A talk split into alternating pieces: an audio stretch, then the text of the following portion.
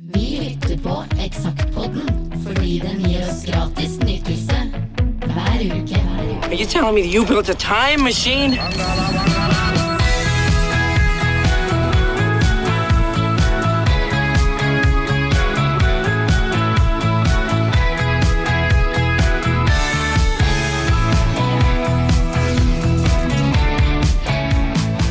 Sett på den andre sida her, men jeg har aldri visst hva det var der. Eksakt som det var.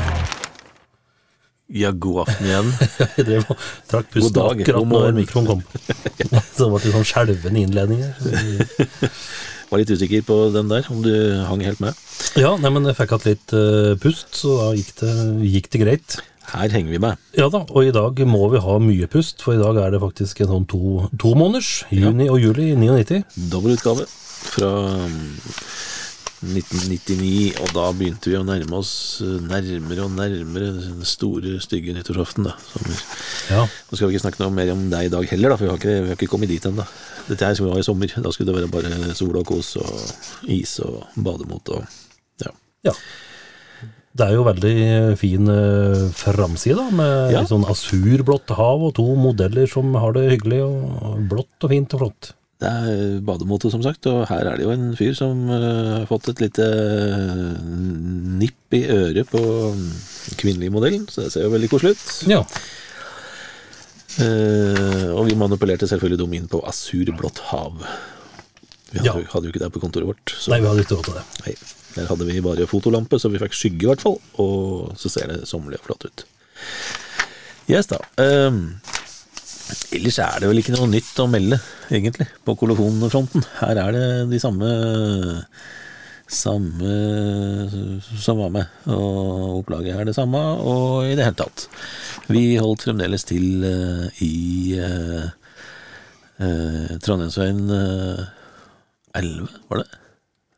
Eh, ja, har vi sagt at vi har flyttet, Trond? Nei, vi har vel egentlig ikke sagt det. Vi, vi flytta jo fra det kontoret vårt i Sommerfelds gate uh, midt i Gjøvik, andre etasje, eh, der alt egentlig var eh, Ja, det var jo åpent kontorlandskap både der og dit vi flytta, i Trondheimsveien. Men det var litt større, da, så vi kom litt lenger unna hverandre. Ja da, og så var det en par uh, båser, Det var jo det. litt sånn inn, innbygde Og vi fikk ikke, min, ikke minst et ordentlig, litt sånn stort pauserom.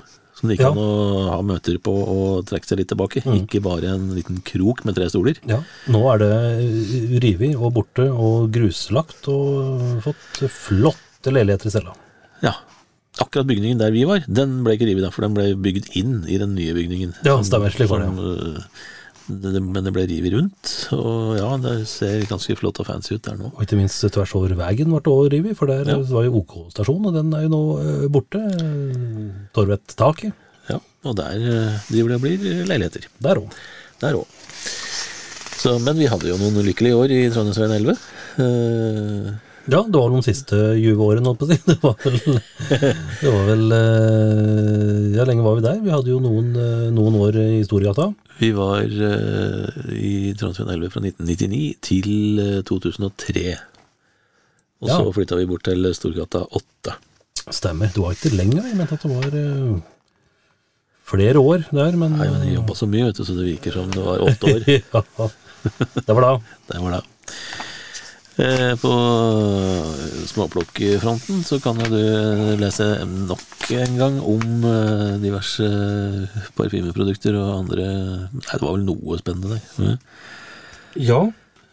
Ser jo, eh, her har vi jo en liten luring, da. Det er jo det er jo det at det handler om jojo.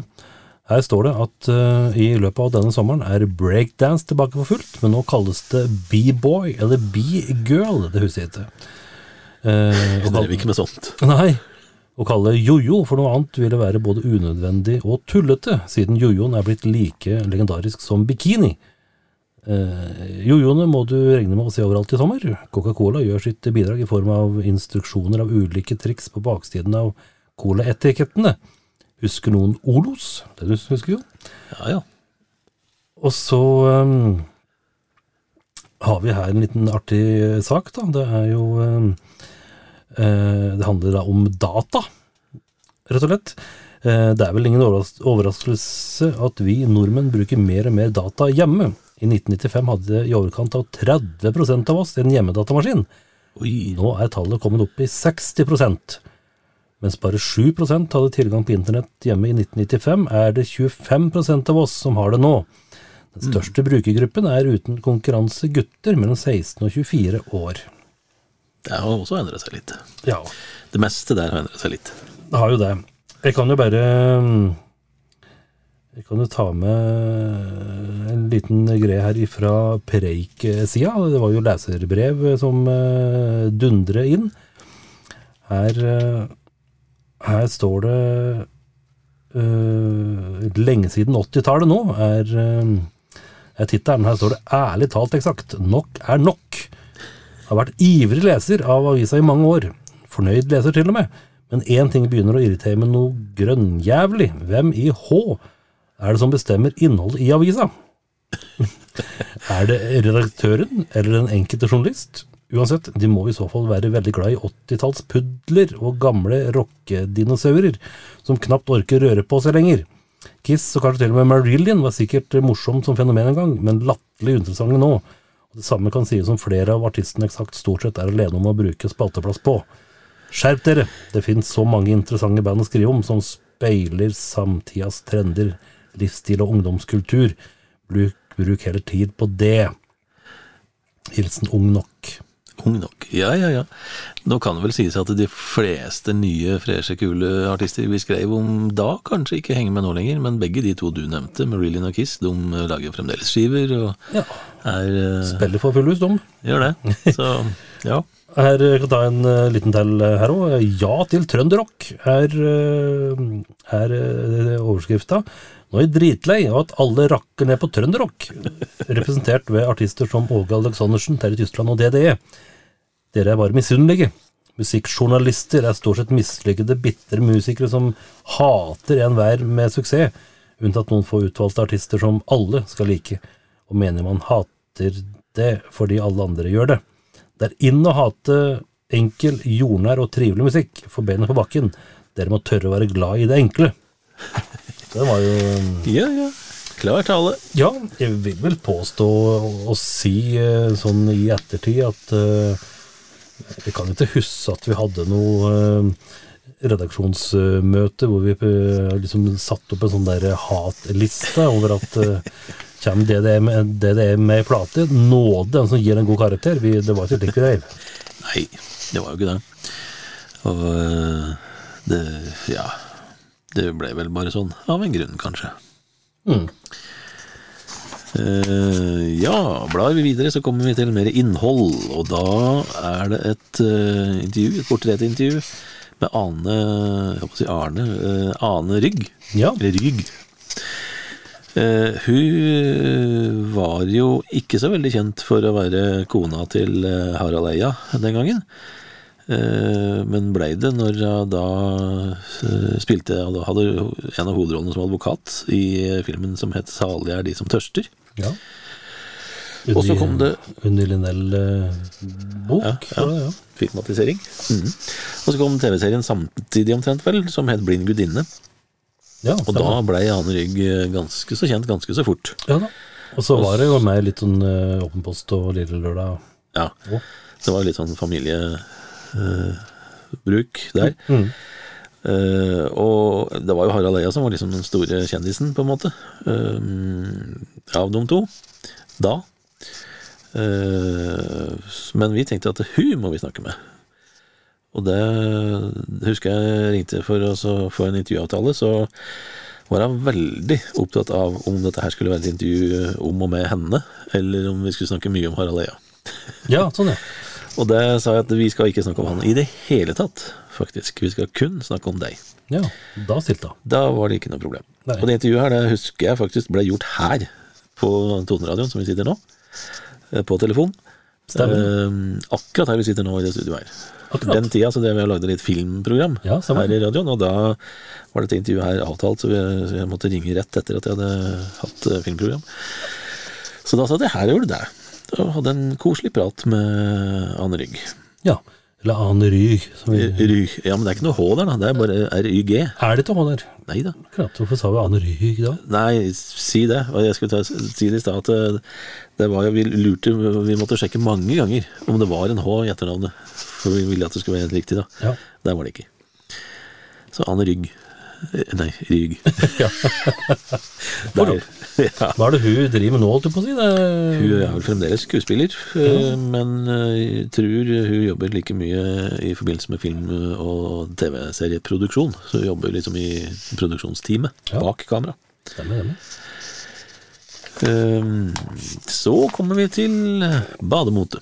Ja, dette her er vel Her er vi- eh, ikke på fastland, ser det ut som. Nei, Uh, her uh, mente jo da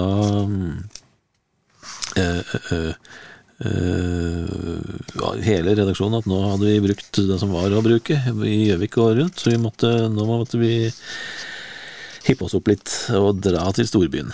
Eh, Det hadde vel kanskje litt å gjøre med at vi skulle prøve å ta Oslo. Prøve å liksom utvide til Oslo og bli, få et fotfeste der. Eh, For vi skjønte jo ikke at det å konkurrere med Natt og Dag i Oslo var egentlig bare tull.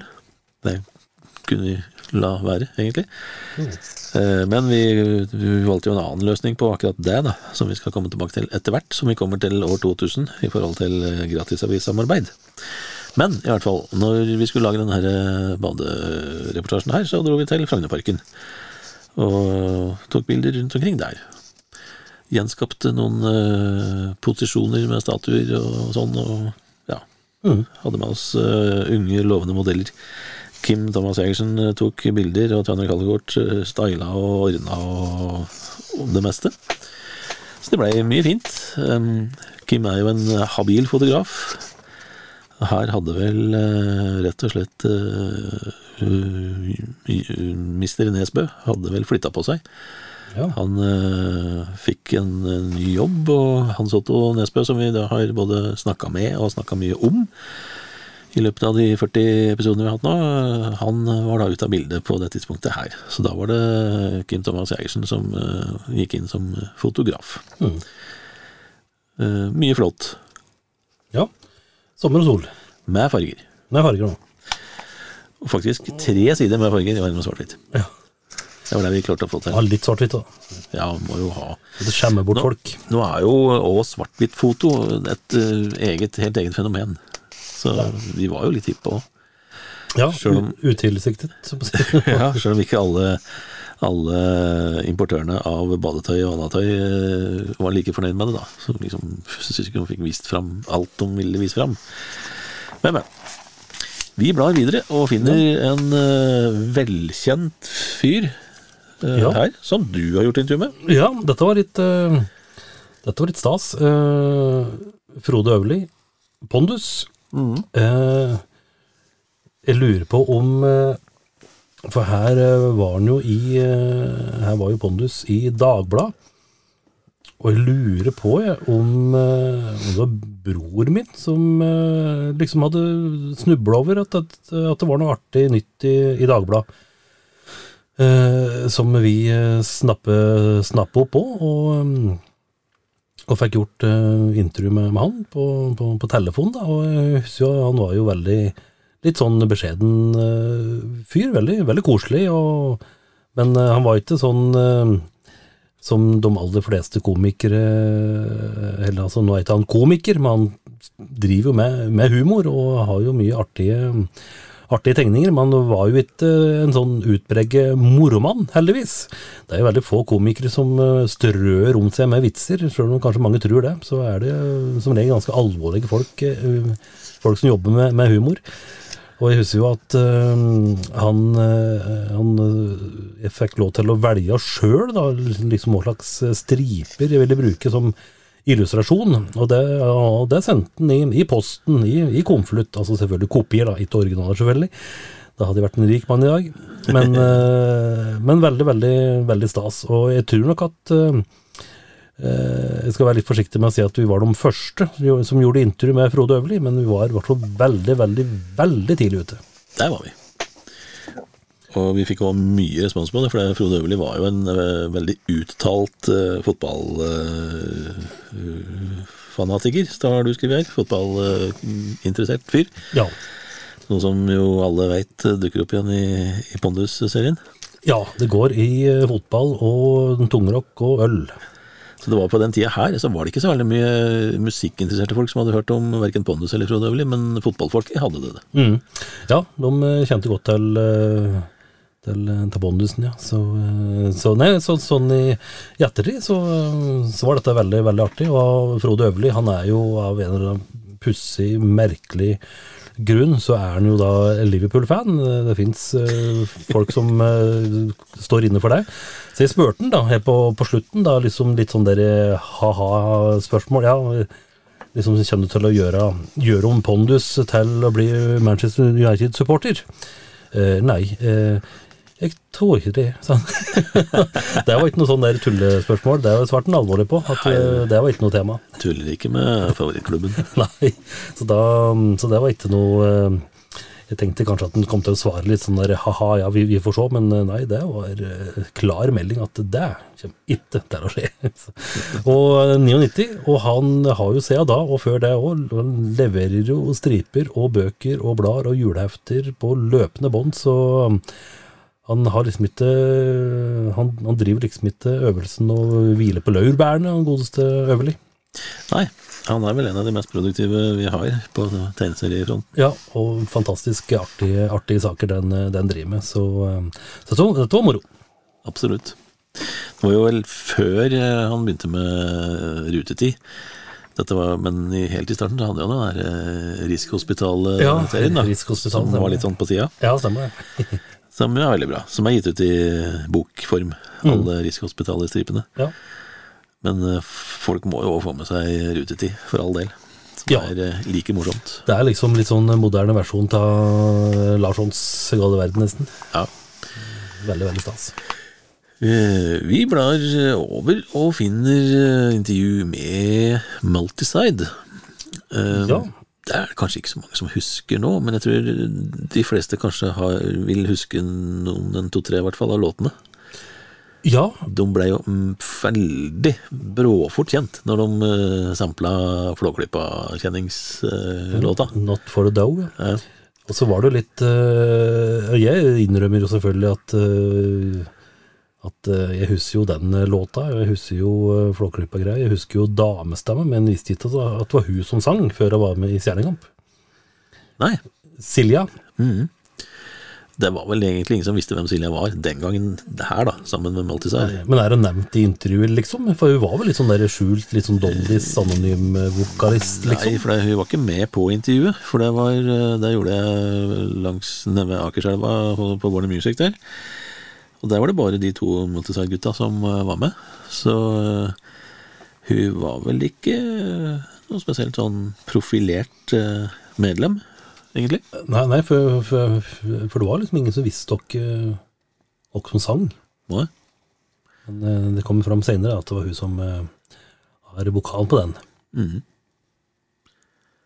Eh, de sier bare her at vi spurte alle vi møtte, og Silja sa bare et selvsikkert ja når hun ble spurt om vi kunne synge. Så det er nevnt med navn. Det er nevnt med navn. Ja. Uten at vi ennå helt veit hvorfor. For hun, syng, hun sang ikke med noen eller noe da vi spurte henne. Vi hadde vel egentlig ikke tenkt å ta runden til de norske plateselskapene heller, men det ble nå allikevel slik, og resten er kjent historie. Ja. Sånn kan Så det være. drev egentlig bare og lagde litt artig, klippte sammen noen greier og lagde litt artig musikk. Ja. Men det var jo, det kom jo to album faktisk fra dem, sjøl om det andre vel forbigikk de fleste i stillhet. Ja.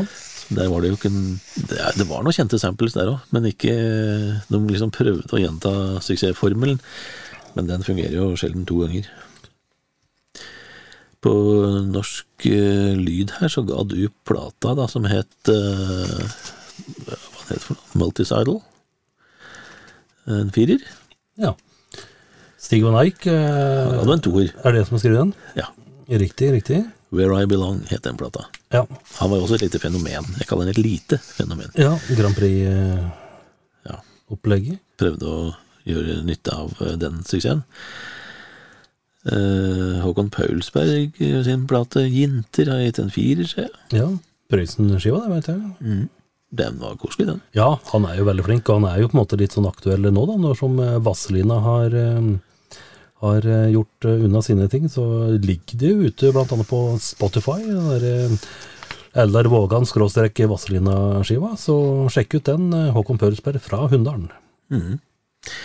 På eh, fem på topplista mi her så har jeg Kesaya Jones, 'Liquid Sunshine', som jeg vel ikke har spilt siden da.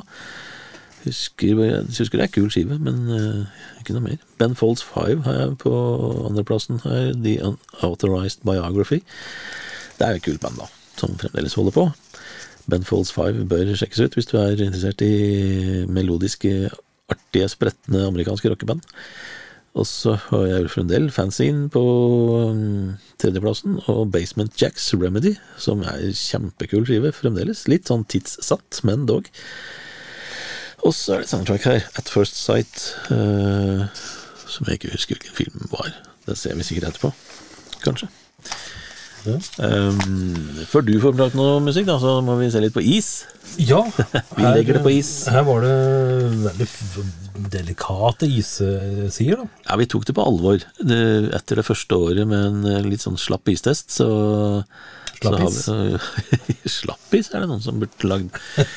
Eh, så, så har vi hatt et par istester vi har omtalt nå etterpå, som eh, vi tok det ordentlig på alvor, med full eh, redaksjon pluss, pluss, pluss, og poenggivning og alt mulig, og smakte på is og rangerte, og det var da de forskjellige nyhetene fra det aktuelle året som alltid var testgrunnlaget. Ja, her er det et uh, Er det som vi Husser? Med Husser, den der her Nummer 13, den husker jeg. Ja, Picanicos. Som eh, Det er vel en litt sånn isvariant av det som vi hadde i gamle dager. Sånne små kjerret på pinner som vi kunne stikke ned i sånn bruspulver, holdt jeg på å si. Og, vi begynner rett på slutten her, med, nederst, med, med 17.-plassen, da. Eh, 1,8 poeng, Donald Duckis. Stakkaren har jo nesten ikke fått nebb engang, vet du. Donald Duckis. Dukkis. Duckis. Uh, Eh, 1,9 poeng, Litago. Uh, første Lite-quizen, som var det vel, som ikke var noe særlig suksess. Og så var det Mega XL fra Nestlé, 2,9 poeng. Sånn, beklager. Eh, Det var kaldt der plutselig. Ja. Uh, og dette var jo mens Nestlé fremdeles var lagde is i Norge. Det gjør de jo ikke lenger. Uh, vel? Sånn pinneis. Eh, nei, det er nok borte, det, ja. Eh, og så var det disse her eh, Picamicos som du snakka om. Da. Tre poeng på 13.-plassen. Biggest stickers. Også 13 poeng med tre poeng. Da kom eh, Millennium til eh, Som var en merkelig kronis-variant Diplomis. fra Diplomis. Ja. Var det noen sånn marshmallow-ting, eller? Rare ting? ja, jeg lurer på det. Og så var det Chupa Chups, kjærlighet, eh, kjærlighet-is. Eh, For der var det vel var kjærlighet inni den slags kladden, tror jeg. eh, Fra Diplomis. Som, Det er med sånn kjærlighet på pinne-ting, da. ja, som du kom ned til etter at du hadde spist litt is. Og så var det Ekstrem Duo, som rett og slett var forsøk på å lage en dobbel uh, kulis, holdt jeg på å si. En dobbel slags kronisvariant. Med både, både sjokoladeis og vaniljeis. Eh, så var det Cannibal. Det er jo et fantastisk elendig navn på en is. Ja. Som eh, fikk 3,7 poeng fra Nestlé, som var eh, vannis med sitron. Den Og det ser jo ut som et uh, plastikkjøttbein. Ja. Men den husker jeg var litt sånn fresh. Var Ja, den, uh, det var nok hvis det var i dommen der, da. En eh, is seksåringen kan kose seg med mens han ser for eksempel eh, Night of the Living Dead. Ja, det var det. ja. Og så var det Tigris, som var en sånn topinna is da, som du kunne dele på midten. Som var eh, vannis med appelsin og cola. Og så var det en Nuggi fra Nestlé, som var en ja, sånn nøtte-sjokolade-vaniljeis. Var det Spinner, som var akkurat det, da, fra Henny Olsnis, En sånn spinnersak med sjokolade og vanilje. Det er vel den eneste som har vært lagd av det. Ja, for den kom vel i mer sånn saftisvariant, ja. Så den var Den er kanskje enda den. Den er enda, og det er jo noe både Henny Olsnis og Diplomis har drevet og laga. Og så må vel dette være den første Dream-isen som Diplomis lagde. Som var en sånn uh, yoghurtis, ja. Med skogsbærsplitt. Uh, og så var det det et helt latterlig navn, da. Flonaldo. Ja. Uh, Henny Olsen fotballis. Pistasjeis med sjokoladeovertrekk, men den var skikkelig god, husker jeg. Den var eh, årets favoritt for meg. Ikke fordi det hadde noe med fotball å gjøre, men fordi pistasje er godt. Pastasje. Ja. Eh, Hepstasje. Hepstasj på i isform. Ja. Og så er det ekstrem stracciatella. Stracciatella? Stracciatella? Er det, ja. Noe der omkring. Fra Nestlé. Eh, Det er jo da fløteis med sjokoladebiter. Så, og så var det sommerisen til Henny Olsen. Ja, Nå er vi på pallen, da. Nå er vi på pallen. Tredjeplassen. 4,4 poeng. Som er eh, vannis med appelsinsmak. Det var vel et forsøk på å lage en, et tillegg da, til friskis, som jo forsvant igjen. Eh, friskisen er jo der ennå, så den solgte vel bedre. Og så er det en annen ekstrem skogsbær fra Nestlé, som er fløtes fløtis med vanilje og skogsbær, da, eh, som eh, ser i hvert fall lekker ut. Og på førsteplassen, der putta vi Kronejubileum fra Henny Olsen. Som var en sånn uh, kronisvariant da fløteis med bjørnebær og eggelikør. Den husker jeg var jævlig god, Ja. rett og slett, til kaffen. Borte er den. Borte er den, for den var Jeg vet ikke om den ble for dyr å lage, eller, Ja. eller solgte lite, eller hva det var. Men borte var den. Så der var eh, 1999s eh, alle isnyheter og istesten fra den gangen. Mm. Ja. Ingen av disse her fins lenger. Nei. Så det er jo faktisk et, bare et sånn tydelig eksempel på at vi er eh, dønn tradisjonelle, alle mann. Ja. Vi skal ha sandwich og solis og kronis. Ja, Lollipop. ja. ja. Pinup. Hysj-hysj-annonsen her, det er ja, spillannonse. Eh, Fifa-spill 249. Og Krokk. Need for Speed 199. Ja, krok. Der er det ikke narko-relatert, så det er jo mer bil... bil Dette her var den der slags eh, krokodillefiguren, som jo var en sånn Krokk 2. måtelig spillsuksess for unger. 549 kosta den, da. Oi, oi. Det var dyrt. Det måtte være. Vi er på favorittsidene. Ja, Hva det var som skjedde i juni og juli i 1999? vi går rett på nesten litt sånn der smårasistisk, eh, litt sånn apartheid-variant her. Her er det 10. juni, Hamarfilm for Hamarfolk. Da var det ikke noe vits å ta turen over brua da. Nei. Eh, 30. juli så spilte Backstreet Boys i Oslo Spektrum. Oi, Og hvis du ikke gadd det, så kunne du se the Caveman på Rockefeller. Eller få med deg Gladjazz med reker på er sånn- Enten eller. Ja, det var en av, en, en av mange. Det var jo um, 11. juni, så var det Bel Canto på Rockefeller. Ja, Det vil jeg tro mange ville se på. der var det nok uh, sikkert utsolgt. Ja, Uh, 19. juli så spilte David Sanborn Band på Rockefeller. Det er vel en stund siden han har turnert i Europa. ja men det hadde vært en uh, trivelig eh, kveld. Han var flink til å spille. Og 21. juli så hadde Lars Lillo Stenberg sin årlige sommerkonsert på Gamle Ordmælet på Tjøme. Uh, og så spilte Lillebjørn Nilsen sin eh, årlige sommerkonsert på Rockefeller 23. juli. Ja. Det er jo noen år siden han har gjort nå. Og Så ser vi her da, på 20. juni da på Rockefeller, der var det konsert med Electric Light Orchestra 2. Ja, Det er vel da øh, en god del øh, Electric Light Orchestra-folk uten Jeff Lynn. ja. så, som er selve poenget. Som faktisk er Electric Light Orchestra. Ja. Ja. Men du ga ut et par fine plater nummer to òg. ja, altså det er gode musikere, men kanskje ikke fullt så minnerike låter. Det er det ikke. 18. juli så spilte Jeff Healy band på Rockefeller. Det hadde vært artig å ha fått med seg. Ja. Så ser vi her, da, 26. juni på Rockefeller. Der var det skeive dager, så dette er ikke noe nytt fenomen. Absolutt ikke. Uh, 14. juli spilte George Clinton and the P-Funk Allstars på Rockefeller. Der svingte det nok. Og Young Neils, Neil Young-coverbandet til Lars Lille Sendberg spilte på Gamle Ormælet på Tjøme. Ja, Det spilte jo Jaga Jazzis da, i juni. 7. Nei, 7. 7. juli. Ja. Og Anne-Grete Preus og med Vertavo- Vertavo-kvartetten. 13. juli. Spilte også på Gamle Ormølle på Tjøme der. Det er jo et uh, veldig gammelt og uh, legendarisk konsertsted helt ute på det som kalles verdens ende. Ut i, litt ute i Oslofjorden der. Uh, ja, trekkspillkonsert på Ringerike, men Ringerike trekkspillklubb. Du verden. På Ridergården på Hønefoss 11. juli. Der var det nok liv. Det vil jeg tro. Blåklokkevik, hva var det noe artig der, da? Skal vi se. Eh, liten skrift her, i hvert fall. Så da må det være Da var det sikkert mye som skjedde. konsert med Guren Hagen. Ja. Eh, og ikke minst eh, Katja Kardinal hun gjorde jo eh, Prøysen på, på, på spansk. Og så var det jo da, ikke minst, da, på eh, den 21. juli, da var det konsert med Viggo Sandvik. ja. Line Trekrem kom eh, dagen derpå, og så er det jo da eh, Det var kanskje litt sånn altså ment å være frekk mot Rune Holme, men eh, fredag 23. juli, da var det han som spilte, og 23. juli, det er jo da bursdagen til Alf Prøysen. Ja. Så vil jeg kanskje tro at kanskje Viggo Sandvik hadde vært mer sånn der eh, bursdagsartist, kanskje, uten å være slem mot uh, vår venn Rune Holme, men uh, Tja. sikkert flink han òg.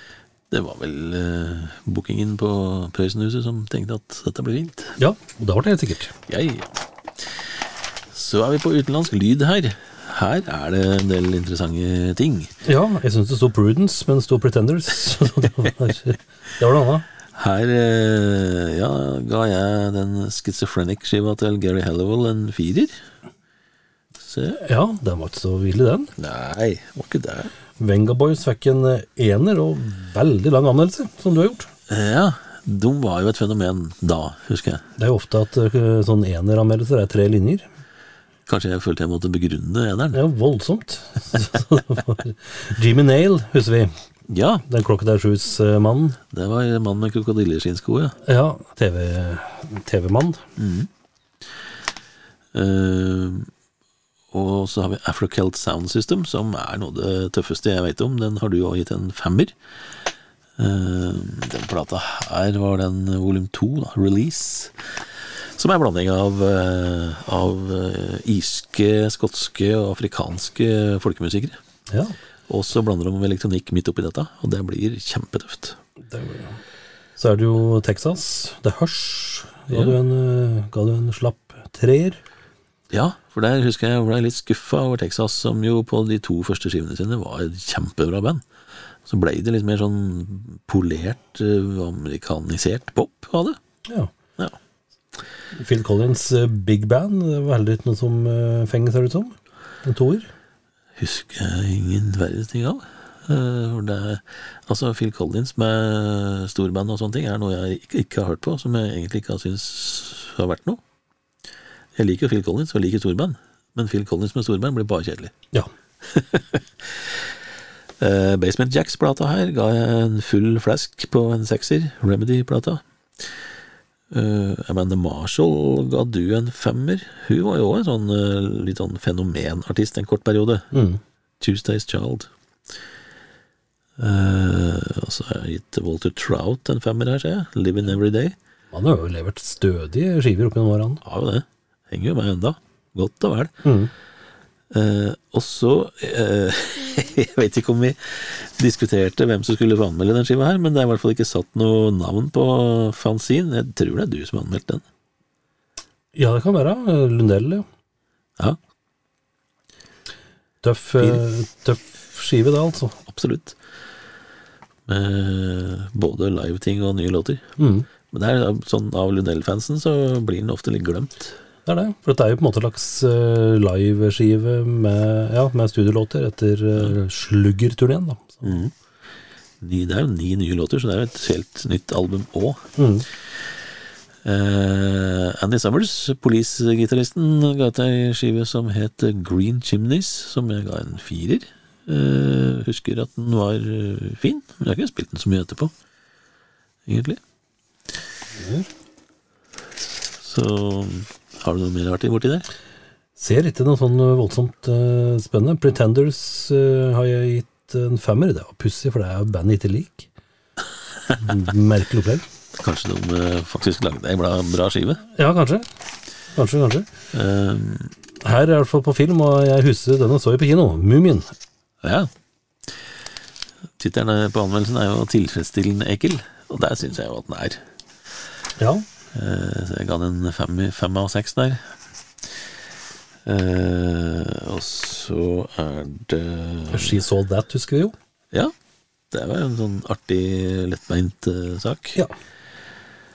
Uh, The Deep End of the Ocean med Michelle Pfeiffer skulle jo liksom re, uh, rette opp henne som dramaskuespillerinne. Det gjorde hun vel egentlig ikke, men Ja. Eh, Så er det en film som het eh, Marrakesh Express med Kate Winslet, eh, som hadde premiere da. 200 Cigarettes med Ben Affleck og Christina Ricky hadde premiere da. Singlets. Vasker klær sjelden. Ja. Matrix, da. Det har jeg aldri Ja. sett. Nei, eh, første Matrix-filmen hadde premiere da i mai 1999. Ja, Apropos fenomen. Ja, den ga jeg en femmer, ser jeg her. Du hadde jo svart skinnfrakke. du. Hadde du den på deg når du så filmen? var ikke da jeg så filmen, Nei. men uh, Har du den fortsatt? Der? ja, ja, ja. Bruker den. Ja, ja. Du gjør det. Ja da, ja da. På vinteren så bruker vi den innimellom. Såpass. Den uh, blir ikke utslitt, vet du. Nei, den må skytes. Og så var det en film her som heter Blast from the Past, som vel òg skulle få Alicia Silverstone uh, virkelig fram i lyset igjen. Det gjorde den vel heller ikke, den der. Uh, og så var det skal vi se, Ed TV, som hadde Matthew McConaughey i hovedrollen. da. Det var nesten en sånn etterligning av uh, filmen med Jim Carrey, som heter uh, Hva heter den igjen? Uh, TV-serie Eh, Truman Show. Truman Show, ja. ja. Ja. Så den her, den falt litt sånn pladask. eh, Og mulig at vi sam, alle vi filmanmeldere sammenligna den filmen her litt for mye med en Truman Show. Og derfor så fikk den en toer, den her. Ja. Wild Wild West var du veldig raus på, nesten full ja. pott. Femmer der. Det er jo en utrolig morsom film, da. Ja. Som der som man blander da ny, kul musikk inn i Og teknologi, altså eh, teknologiske maskiner og ting og tang, da. Inn i Ville Vestens eh, eh, ja, handlingsrom. Eh, så det var en morsom eh, blanding. Mm. Og så er det ja, et par eh, I Want You med Rachel Whites og et farlig spill, Cru- Cruel Intentions, med Sarah Michelle Gellar og Ryan Philippe. Så fikk jo en litt sånn Litt oppmerksomhet. Ja, Det var jo en litt vovet film. det, det, det var det jo. Jeg ser på metallintervjuer her, så eh, her har jeg tydeligvis vært særdeles uh, ukreativ når det gjelder titler. Uh, det er et intervju med svenske black, black metal-kara i Marduk. Og så er det et uh, intervju med et amerikansk band som heter Dog Eat Dog. Og tittelen på Marduk-intervjuet er da 'Aggressivt og voldelig fra Marduk', mens uh, Dog Eat Dog har kraftig jafs fra Doggy Dog. Det er mye sånn fra her. Ja. Så, um, men um, uh, Marduk, det er tøft, uh, tøft uh, black metal-band. Legender og veteraner innenfor den sjangeren. Jeg lurer på om han Morgan som jeg prater med her, at det er ikke han som jobber på Ullared, men jeg lurer på om han er smed. Jeg tror det er han som var, var smed, som, som er vokalisten i, uh, i Murdoch, og det var jeg tror det var han jeg, han jeg, han jeg prater med. Kult band. Dog It Dog, det husker jeg ikke i det hele tatt, men da prater jeg i hvert fall med en uh, fyr som heter David Niebaur, som var bassisten i Dog It Dog. Og jeg husker, uh, jeg husker uh, Marduk-intervju, at jeg gjorde det på, på telefon, sjølsagt. Men Dog It Dog, det kan jeg ikke si at jeg husker sånn særlig tall Sånn er det. Vi kan ikke huske alt vi har gjort heller. Neida. Etter hvert her så hadde vi gjort såpass mye intervjuer at det gikk litt sånn over stokk og stein. Og, um, skulle gjøre dette her sammen med Anna Jobb òg, du. Ja da. Ja, ja da. Eh, der, her er det mer tung lyd, vet du. Her Ja. er da både hard lyd og fem på topplista di. Ja, vi kan jo kikke fort. Her er det i hvert fall eh, Det er jo da åssen det er etter opplegg her nå, da. Det er ehm, Jo, det er den der Arm Maiden da, som eh, har den der Ed Hunter-plata. Det er en samling, det, vet Ja. Som, eh, her står det jo eh, 20 av Maidens beste låter stemt fram av fansen på Iron Maidens egen nettside. Eh, og så Det var jo en nyvending. Ja, Spørre absolutt. fansen om hva du skulle putte på Best of-skiva di. Ja, og så eh, var det jo da et band som heter eh, Anathema, som vi sa, eller Anathema, som mange sier. Full potte dum, sier jeg. Ja. Uh, Ministry ga jo en firer, Uh, Doggy Dog fikk jo en firer, omtalte. Og så ser vi her eh, kjempekul eh, plate med en fyr som heter eh, Patrick Ron, Ronda, eller Patrick, Patrick Ronda, fransk gitarist, som som som blant annet har spilt med Jean-Michel Jarre, blant annet. Veldig tøff gitarplate. Og så er det jo en ny skive med Jolin Turner, ser jeg, og så har det våre venner i, i Marduk der, blant annet. Ja. Så kan du kikke bort på fem på topplista mi. Det er jo da med uh, an, an, Anatema, som vi sier. Judgment på første, og så er det jo da vår venn Patrick Ronda on the Edge på andre. Uh, her Denne hopper vi sikkert over. Uh, den er hussig i det hele tatt. eh, en norsk gitarist som heter Ivan Solberg, Ja, som jeg kalte for Norges egen Frank Gambale. ok. Sammen med Gambale, var han tydeligvis med. Ja. Jeg mener Marshall på fjerde, og Iron Maiden uh, Ed Hunter på femte var da ny topp, uh, toppliste. ja. Så det var jo en god blanding. Det får en si. God blanding i godteposen der. Ja. Og så lagde vi jo vi, Dette var jo sommerutgave, så vi slo til med en liten oversikt over de beste vannhullene. Eh, Da hadde vi vel Altså beste Vi hadde vel rett og slett bare lista opp alle Ja. som var eh, på Hamar, i Lillehammer, på Gjøvik og i Oslo. Og der fikk vi selvfølgelig tyn igjen, da, for at vi hadde tatt med hele Oslo. Eh, Det kunne jo ikke folk som drev utestedene i Mjøsbyen skjønne hvorfor vi måtte gjøre. Det er vi vel litt enige i dag, men vi skulle jo prøve å bli hipp og kul i Torby nå. ja, vi så utover. Ja, Visjonærer. da måtte vi jo prøve å ha noe å vise til, da, hvis vi skulle få noe distribusjon rundt i Oslo. Mm.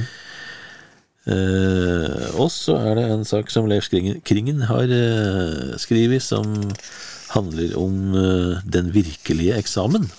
Litt usikker på hva det egentlig er. Eh, oppgaver om statsforvaltningen og den norske U-hjelpa. Uh, ja, det er vel kanskje da Hot or not. Som de fleste andre som skal opp til eksamen, gruer også jeg meg, men ikke så mye til oppgavene. De skal jeg alltids greie.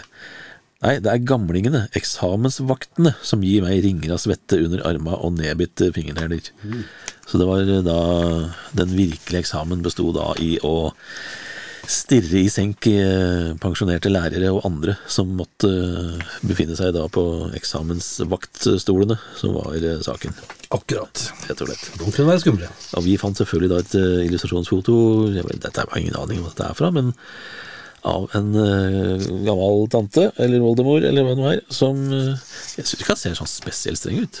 Nei, jeg er litt sånn stirrende, men Ja. jeg har litt sånn smil. og Intens, Ja, ja. men litt smil. Ja. Ja, det er ganske harmonisk ut, egentlig. Bare du sitter her og gjør det du skal, vær snill gutt, så går dette her fint, sier hun Ja. med blikket. Og det var vel også poenget med eksamen. Og Det var jo for så vidt det. Eksamensvakter. Og når vi, vi har istest, og så hadde vi vannhull eh, her, rett her på forrige side, og da måtte vi selvfølgelig gjøre en sommerøltest.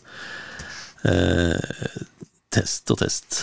Vi, det var ja, ja, det var vel ikke bedre utvalg, for så vidt, eh, på det norske eh, sommerdrikkemarkedet den gangen, kanskje. Den gangen, høres ut vi snakker om 1920, men det her er altså da seks forskjellige sommerøl som vi har drista oss til å smake litt på. Det var Ringnes sommerøl og Hansa sommer spesial og Kristiansands Bryggeri feriepils, Trommi eh, sommerpils, Ås sommerøl og Lundetangen sommerøl. Og så tok jeg meg en liten sånn dert på slutten der, en wine cooler, som var et nytt, kult produkt som kom den tida. Club Apple. Som var en slags øh, ja, eplesidervin, som da var kul i dobbel forstand. Ja. Så øh, Toppen kom på sommerøl Ringnes, som var ja. best, i, best i test av dere som øh, driver med dette. som driver med slikt. Ja. som liker øl. Eh, og vi sier jo rett og slett rett ut her, gjør deg sjøl en tjeneste, les våre tips før du handler drikke for sommeren. ja. Vi mente vi kunne dette. Og der kan vi! Yes, da. Glad i øl, så kan du dette. Men åssen eh, står, står fasiten seg fortsatt? Nei. Nei. Altså, Ringnes-ølet er vel litt sånn allment eh, vedtatt som et litt surt øl, rett og slett. Altså litt, litt for syrlig. Eh, Men Kristiansands Bryggeri eh, sitt sommerøl og Ås sommerøl pleier å være godt. Der kommer jo da på tredje- og femteplass her. Ja. Ja. Så er vi på uh, Ja, her er det en artig uh, Dox uh, ligger jo da, eller lå, der Peppers Pizza ligger i dag, i Gjøvik. En ganske stor Det var et litt sånn stort utested, egentlig. Mm. Og i kjelleren der så hadde jo da eh, Lasse Antila åpna Lasse Liten-restauranten sammen med Karin eh, Ransberg? Eh, ja. Eh, og her er det da en annonse for eh, Lasse Litens kokker som gjesteopptrer på Docks kafé og bar sin uteservering. Oi. Tok turen fra kjelleren opp i, eh, Opp i lyset. friluft? Ja. Eh, ellers så har vi da Tune Into til Gjøvik Jazzklubb. Hadde et band som het Banjovi. Det er Bra band. bandnavn. Ja da, og når vi ser eh, at Stian Karstensen er med, så er det sikkert han som har funnet på Det vil jeg tro. navnet, vil jeg tro. Og han har med seg Knut Hem og Håkon Askeland og Finn Guttormsen. Det var jo liksom et ganske solid band, da. Ja.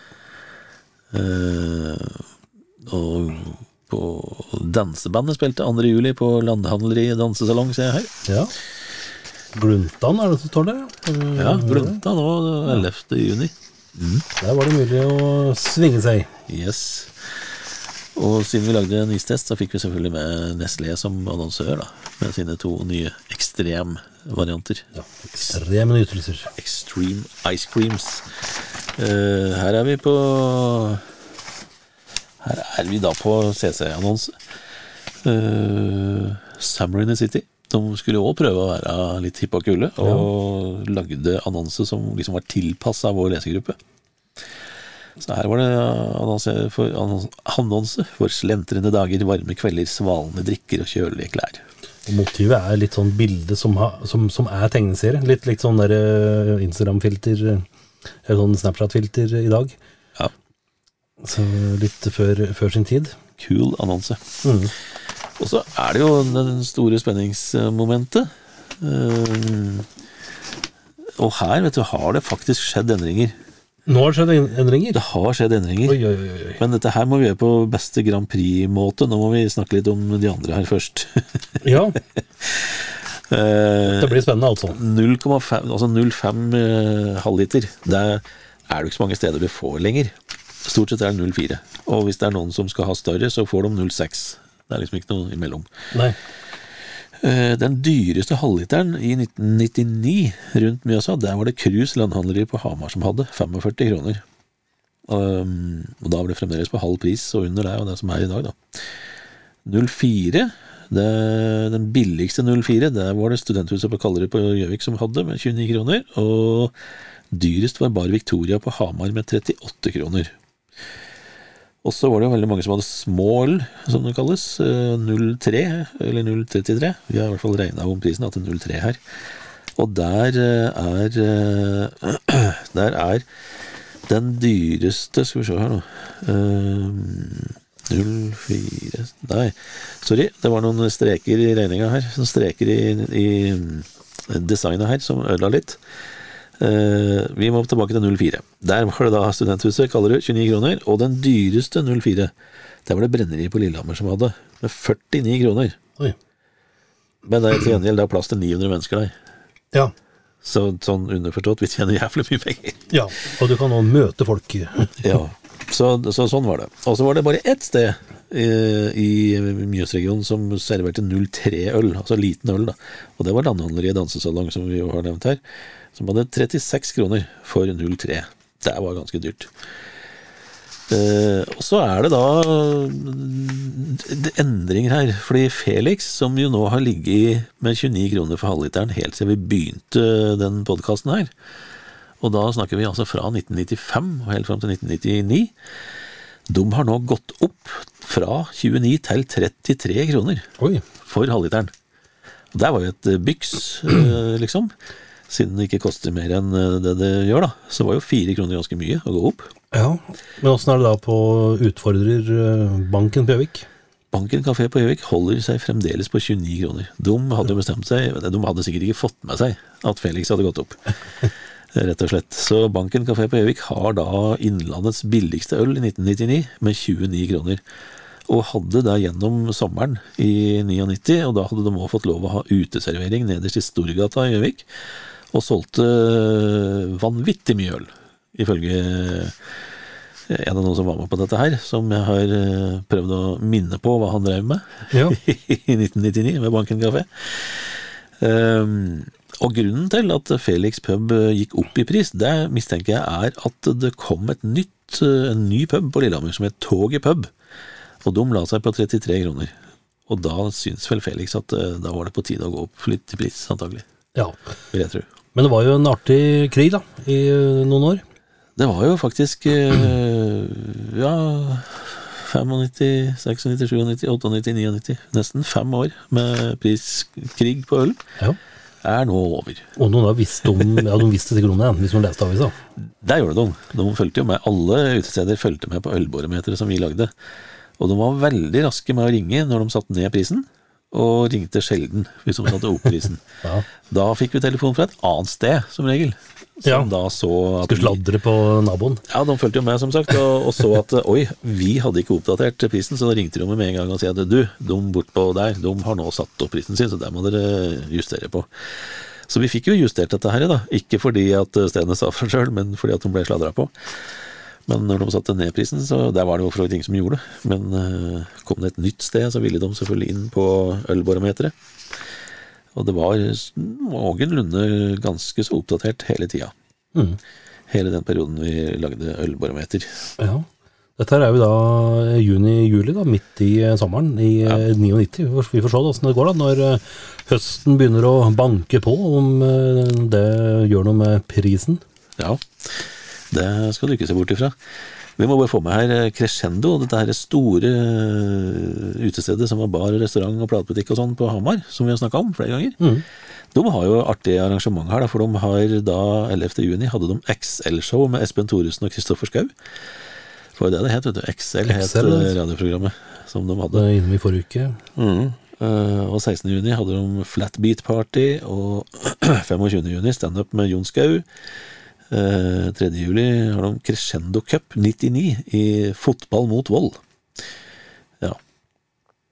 Og så var det et par standup-show. Der står det ikke hvem som var med, men de var jo aktive ute og arrangerte ting da, hele, hele sommeren.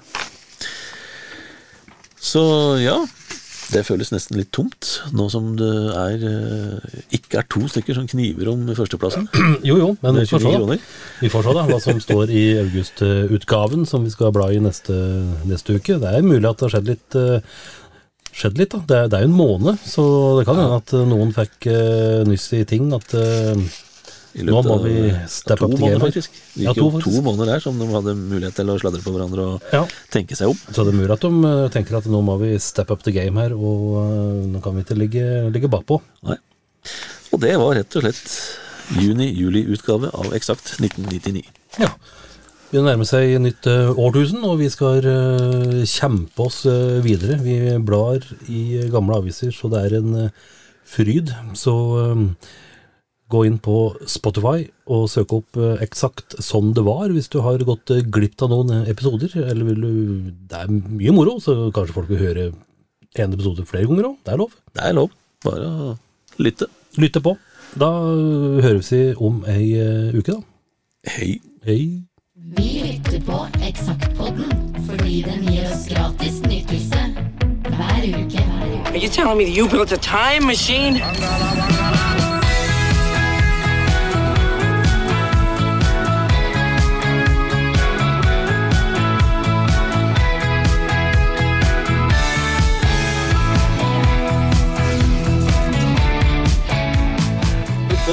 Sett på den andre sida her, men har aldri visst hva det var der. Eksakt som det var.